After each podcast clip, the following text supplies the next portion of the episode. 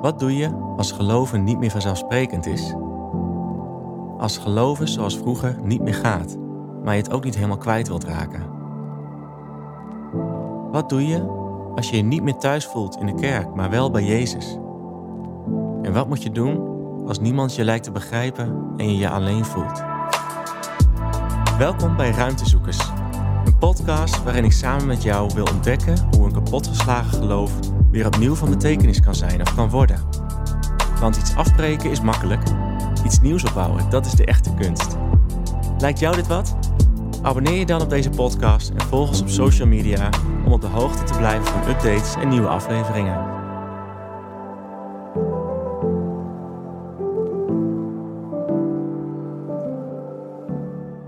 Hoi, leuk dat je weer luistert naar deze aflevering van Ruimtezoekers.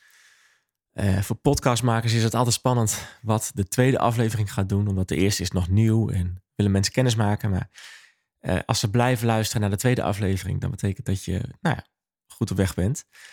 Um, ik wil deze aflevering met je gaan nadenken over het onderwerp geloofsontwikkeling, geloofspsychologie. En ik deel daarin iets van mijn eigen reis die ik heb afgelegd. Uh, niet omdat ik nou vind dat mijn geloof zo belangrijk is om gehoord te worden, maar omdat er elementen in zullen zitten die voor veel mensen herkenbaar zullen zijn.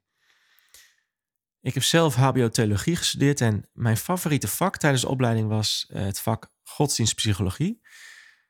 Um, dat vak gaat over de vraag door welke fases we heen lopen als we opgroeien in een religieuze context. Want we worden niet als christen geboren in die zin. Dat krijgen we mee, dat vormt ons. En um, ik heb in deze zomer een fantastisch boek gelezen van Brian McLaren. Dat heet Faith After Doubt. Ik hoop dat het ook nog vertaald gaat worden, maar dat is echt een aanrader. Um, dat heeft mij heel veel inzicht gegeven in mijn eigen geloofsontwikkeling en in die van um, jongvolwassenen. Dus zeg maar leeftijd 18 tot 30 jaar. Dat is de fase waarin je geloof de meeste ontwikkeling doormaakt. En hij maakt gebruik van zoveel bekende onderzoekers in de godsdienstpsychologie. Um, en hij komt uiteindelijk tot vier fases in ons leven. Nou, die zullen in minder of minder, uh, meerdere mate bekend voorkomen, vermoed ik. En het helpt je om inzicht te krijgen in je eigen proces uh, en de vraag: hoe zijn we hier beland? Nou, en deze, deze fases die mensen doorlopen, dat zijn geen niveaus, gradaties in geestelijke volwassenheid.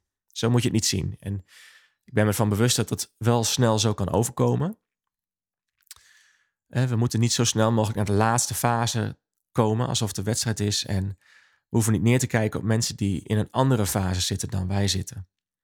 Brian McLaren die waarschuwt hier ook voor en die schetst het beeld van verschillende fases als uh, losse compartimenten waar we tussen kunnen bewegen, alsof het verschillende kamers zijn die we kunnen binnenlopen gedurende ons leven, maar ook weer kunnen afsluiten.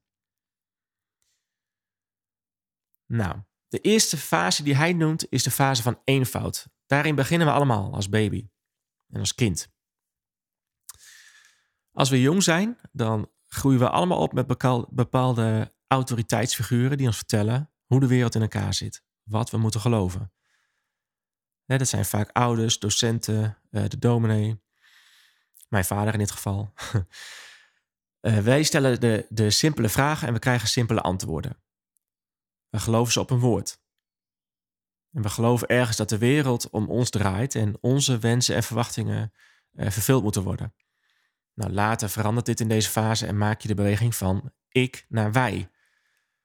de beweging van het individu naar de groep. Uh, nu bepaalt de groep de manier waarop de dingen gedaan worden, de morele codes waar je je aan moet houden, de, taal die er gesproken moet worden. En er kan een sterk dualisme heersen in deze fase. iets is zwart of wit, goed of slecht, veilig of gevaarlijk. Nou, de laatste heb je als kind natuurlijk heel erg nodig. Van, uh, om uh, je niet te branden aan, die, uh, aan dat vuur moet je weten dat dat gevaarlijk is, enzovoort. Maar binnen de kerk kan er ook een sterk dualisme heersen. Wij zijn de good guys en de mensen die niet geloven of buiten de kerk staan of in de verkeerde kerk zaten, waren de bad guys. En die had het nog niet helemaal begrepen, zeiden we dan tegen elkaar. Of simpelweg, uh, ja, ze lijken niet op ons, dus ehm, ze hoorden daar niet bij. Vaak wordt dan een groepsidentiteit bepaald door wat je vooral niet bent, in plaats van wat je wel bent. Ik kom zelf uit een uh, gereformeerd vrijgemaakt nest. Nou, ik zei al, mijn vader was predikant. Uh, mijn moeder deed veel kerkelijk werk op vrijwillige basis. Dus eigenlijk stond heel ons gezin in het teken van de kerk. En mijn ouders die leefden het geloof echt uh, voor ons uit. En um, ja, dat merk je bijvoorbeeld aan het, aan het Bijbel lezen en bidden voor het eten en het slapen gaan. En ik heb eigenlijk altijd geloofd in het bestaan van God als de grote aanwezige. Wij spraken thuis over God alsof het een lid van ons gezin was. De Bijbel was in mijn kindertijd vooral dat magische verhalenboek, vol met reuzen die verslagen moeten worden, walvissen die mensen opslokten en een ark vol met dieren. Uh, ik leefde in een veilige en geborgen wereld. En daar ben ik tot op de dag van vandaag dankbaar voor. Dat is echt niet vanzelfsprekend. Op mijn achttiende deed ik uh, beleidenis van mijn geloof in de vrijgemaakte kerk. En dat was een oprecht geloof dat met name gebaseerd was op de kennis van God. Die ik door de jaren heen overgeleefd kreeg door middel van catechisatie, ouders, juffen, meesters enzovoort. Um, en de Bijbel veranderde voor mij ook van een verhalenboek naar een soort handboek vol met leefregels. Ik weet nog dat ik een boekenlegger had met de titel Wat zegt de Bijbel over puntje, puntje, puntje. Gevolgd door een lijst met allerlei onderwerpen zoals daten, angst, uh, geld. Voor elke vraag die je kon bedenken was er een um, Bijbels antwoord en een Bijbeltekst te vinden. Nou, toen ik in de puberteit kwam, studententijd, um, de, ja, toen bewoog ik naar een volgende fase toe. En dat noemt Brian McLaren de fase van complexiteit. Uh, hierin kom je in aanraking met andere ideeën en opvattingen dan jouw eigen bubbel waarin je opgegroeid bent. De meeste mensen die bereiken deze fase door te gaan studeren. Um, en in de studieboeken andere geluiden tegen te komen of met in gesprek met andere mensen, andere geluiden te horen. Nou, door de komst van social media wordt deze fase nu nog sneller bereikt. Want op jonge leeftijd horen we al ja, allerlei andere meningen die op ons afgevuurd worden. Um, maar in ieder geval de, de duidelijke, heldere structuren van fase 1, die worden steeds vager en minder gezaghebbend. Ouders, docenten, dominees waarmee je opgegroeid bent, verdwijnen meer naar de achtergrond en nu ga je zelf op onderzoek uit. In deze fase wil je als het ware zelfstandig worden, los van het geloof van je ouders. En ik wilde zelf mijn geloof uitzoeken en uitleven, in plaats van iets nadoen wat mij voorgeleefd was. Um, en ik merkte ook dat bepaalde autoriteitsfiguren door de mand kunnen vallen als hun daden niet meer overeenkomen met hun boodschap. En dan kan het zomaar zijn dat de good guy opeens de bad guy blijkt te zijn. uh, ja, bepaalde ouders die um, een sterke moraliteit hadden, die kunnen toch eindigen in een scheiding. Of een jeugdleider uh, of andere mensen waar je tegenop kijkt, um, die kunnen toch van hun voetstuk vallen.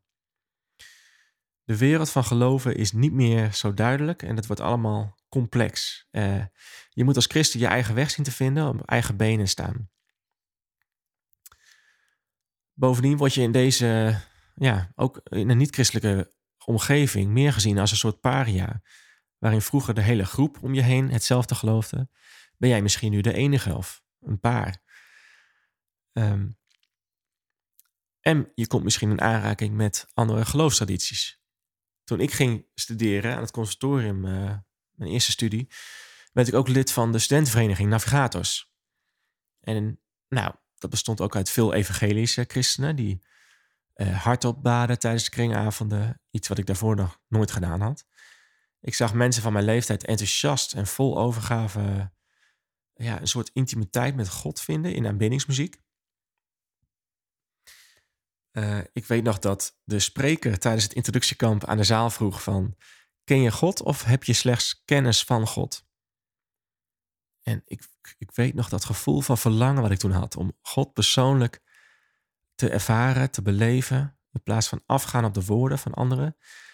En ik liep tijdens de ministry, zoals dat dan werd genoemd, naar voren. En ik liet voor me bidden dat ik God persoonlijk mocht leren kennen. En ik heb eerlijk gezegd deze tijd en de tijd die na kwam, uh, ervaren als een geweldige groei in mijn geloofsleven. Ik nam als het ware alle informatie als een spons in mij op. En ik heb nog altijd profijt van de dingen die ik bij de navigaties heb geleerd. Wat ik wat enorm, enorm waardeer is het feit dat er zo gehamerd werd op ehm, je verantwoordelijkheid om zelf de Bijbel te leren lezen. Zelf vragen te stellen en je eigen relatie met God te onderhouden. Ze hebben me tools gegeven om mijn geloof volwassen te laten worden. We luisteren ehm, naar elkaars mening en visie. We waren niet bang om ons geloof uit te, dagen aan, uit te dragen aan anderen. Ik ging bijvoorbeeld mee op evangelisatiereizen van onder andere Elites in Action, World Service. Ik heb een jaar uh, in Engeland gestudeerd op een bijbelschool. Uh, vol passie voor Jezus in vuur vlam. We organiseerden afwasacties waarbij we gingen afwassen bij niet-christelijke studentenhuizen om ze iets van Jezus liefde te tonen. En we hopelijk ook een goed gesprek hadden, onze verborgen agenda. Um, en ik denk dat de meeste studenten dankbaar gebruik hebben gemaakt van die rare christelijke studenten die gratis de afwas kwamen doen. Maar dat maakt ons allemaal niet uit. We wisten wat we geloofden en we waren radicaal. We stonden in vuur en vlam. Nou, het, ik zei al, het, het, uh, het geloof in deze fase staat in het teken van leren groeien. Nou, dat deed ik door mentoren, de docenten op de Bijbelschool, coaches. Um, en ze zullen je vertellen dat je met de juiste techniek of vaardigheid een bepaald doel kan bereiken. Nou, voor mij was dat doel heel helder. Ik wilde de beste christen worden die ik kon zijn. Maar dat kan best veel inzet van je vragen, heb ik gemerkt. Elke ochtend stille tijd. Elke dag Bijbel lezen. Bidden. Aanbidden. Uh, dienen. Jezelf wegstrepen. En in alle preken en boeken die ik las, hoorde ik eigenlijk maar één boodschap niet genoeg. Je bidt niet genoeg. Je leest de Bijbel niet genoeg. Je evangeliseert niet genoeg. Je gaat te weinig naar de kerk. Je geeft te weinig geld. En er valt nog meer te behalen. Er valt nog meer te onderzoeken. Ehm, ik spiegelde mijn eigen geloofsleven aan dat van anderen. Alsof het een soort competitie was.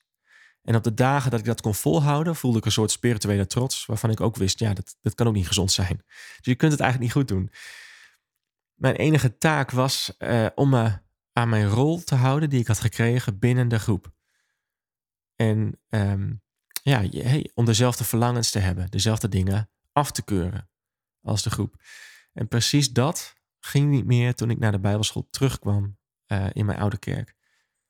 Het voelde alsof ik opnieuw in een mal werd gedrukt die mij niet meer paste. En ik wilde God ervaren en meemaken zoals ik ja, uh, de evangelische Pinkstergemeente had, uh, had gezien. Ik besloot dat het tijd was voor een nieuwe stap in mijn geloof. En ik liet mij als volwassene dopen, zoals veel anderen in die tijd, van een gegeven middenkerk naar een evangelisch en charismatische kerk. Nou, mijn overdopen, zoals het dan zo werd genoemd, um, en mijn overgang naar een andere kerk voelde destijds als een nieuwe gewonnen vrijheid.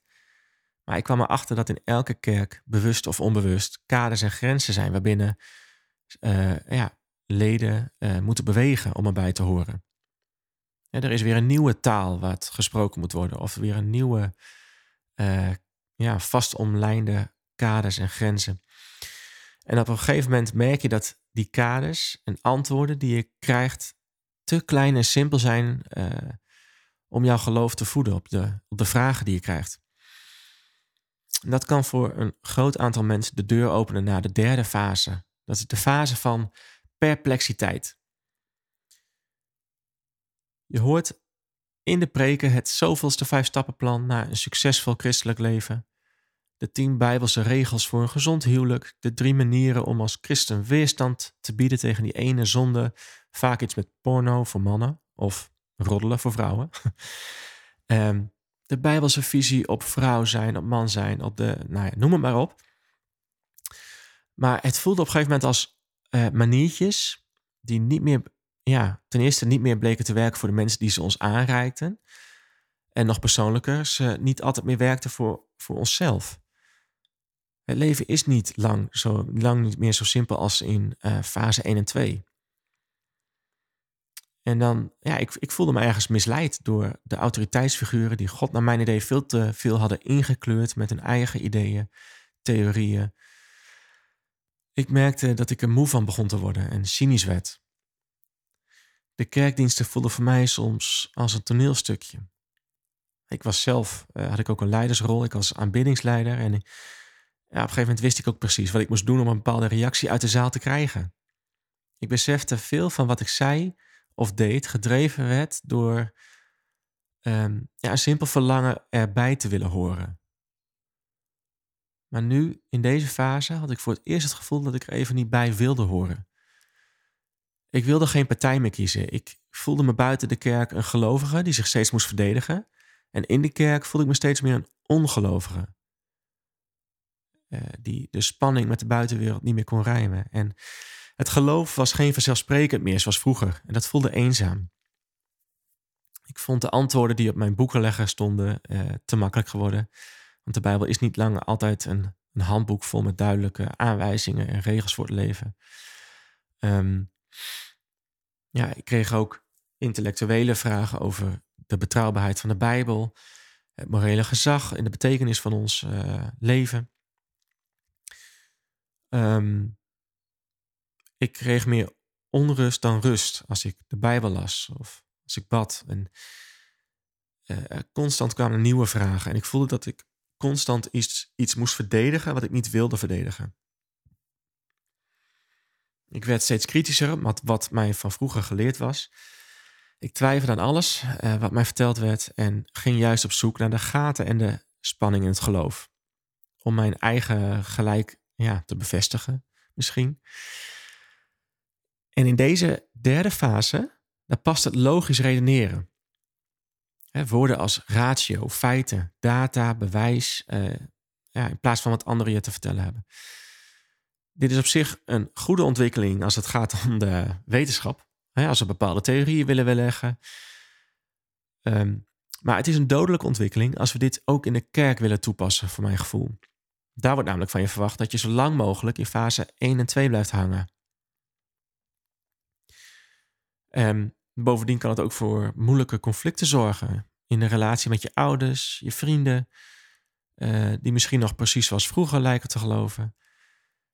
En je hebt het gevoel dat er twee soorten mensen in de kerk zitten. Mensen die aan de ene kant de vuren vlam staan, maar uh, ja, onwetend zijn of hun verstand bij de deur hebben achtergelaten.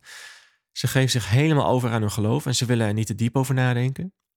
En aan de andere kant heb je de mensen die hun verstand niet willen uitschakelen, kritisch zijn, uh, maar zich cynisch of wantrouwend opstellen en zich niet echt kunnen overgeven. Um, ik wilde allebei geloven en kritisch nadenken. En nou, dat zorgde voor dat innerlijke conflict. Misschien herken je dat. Voor mijn gevoel kon ik niet meer terug naar de simpele antwoorden van vroeger, hoe graag ik dat ook wilde. Um, want iets in mijn fundament begon te wankelen. Hoe meer ik zocht, hoe meer vragen ik kreeg. En de leegte werd niet opgevuld, maar alleen maar groter. Um, ja, want als, de, als de Bijbel niet klopte of tegenstrijdig was, kon ik dan nog enigszins mijn leven. Maar op een gegeven moment merkte ik ook de vraag van, ja, maar wat als God dan anders blijkt te zijn als ik had gedacht? Of, um, ja, of ik mezelf heb wijsgemaakt. En ik werd in deze fase, uh, zoals ik dat zelf noem, een ruimtezoeker. Ik nam heel bewust afstand van de kerk. Niet om mijn geloof kwijt te raken, maar omdat, het, omdat ik het juist wilde behouden. Ik had het nodig om ruimte te vinden. Uh, om bepaalde dingen op rijtje te zetten, te doordenken. En de kerk stond voor mijn gevoel tussen mij en God in. Maar als gevolg daarvan moest ik wel alleen verder uh, in de zoektocht. En daarin kwam een stuk eenzaamheid met zich mee. Twijfels namen weer toe. Uh, en mijn geloof kwam langzamerhand in een crisis terecht. Weken werden maanden, maanden werden jaren. Ik bad niet meer zo vanzelfsprekend en ik raakte de Bijbel niet meer aan. Mijn geloofshuis begon steeds meer te wankelen. En de geestelijke wildernis was nu een realiteit geworden. Ik, ik was de weg kwijtgeraakt, lang voordat ik het misschien zelf door had gehad. Veel mensen die zeggen het geloof van wel in deze fase. Ik zie het ook om me heen gebeuren. Ehm, of sommige mensen houden hun twijfels stil en doen alsof ze er niet zijn. Voor mij was het geloof uit fase 1, 2 en 3 niet langer houdbaar geworden. Goed genoeg voldeed niet meer. Ik, de meeste van ons hebben namelijk geen plan klaar liggen om de gebroken deeltjes die stuk geslagen zijn weer aan elkaar te krijgen. Wat doe je dan?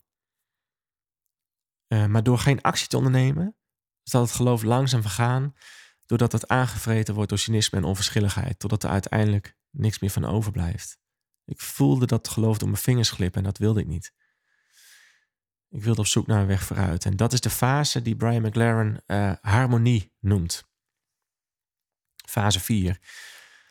En in deze fase hebben we geaccepteerd dat we ja, moeten leven zonder alle antwoorden. We proberen ons geloof aan te passen, zodat het kan standhouden tegen alle ontwikkelingen um, rondom ons. En we zoeken naar nieuwe manieren om dat geloof vorm te geven. We leven onze vragen en we worstelen net zo lang met onze twijfels, totdat we aan de andere kant van de wildernis zijn uitgekomen. En ons geloof door het proces heen groter, ruimer en mooier is geworden dan. Uh, en het, het kan ook onze vragen en twijfels opvangen, in plaats van dat het ons helemaal van ons ja, stuk brengt. Um, sommige mensen noemen dit geloof een progressief geloof of mystiek geloof. Nou, geef er een naam aan.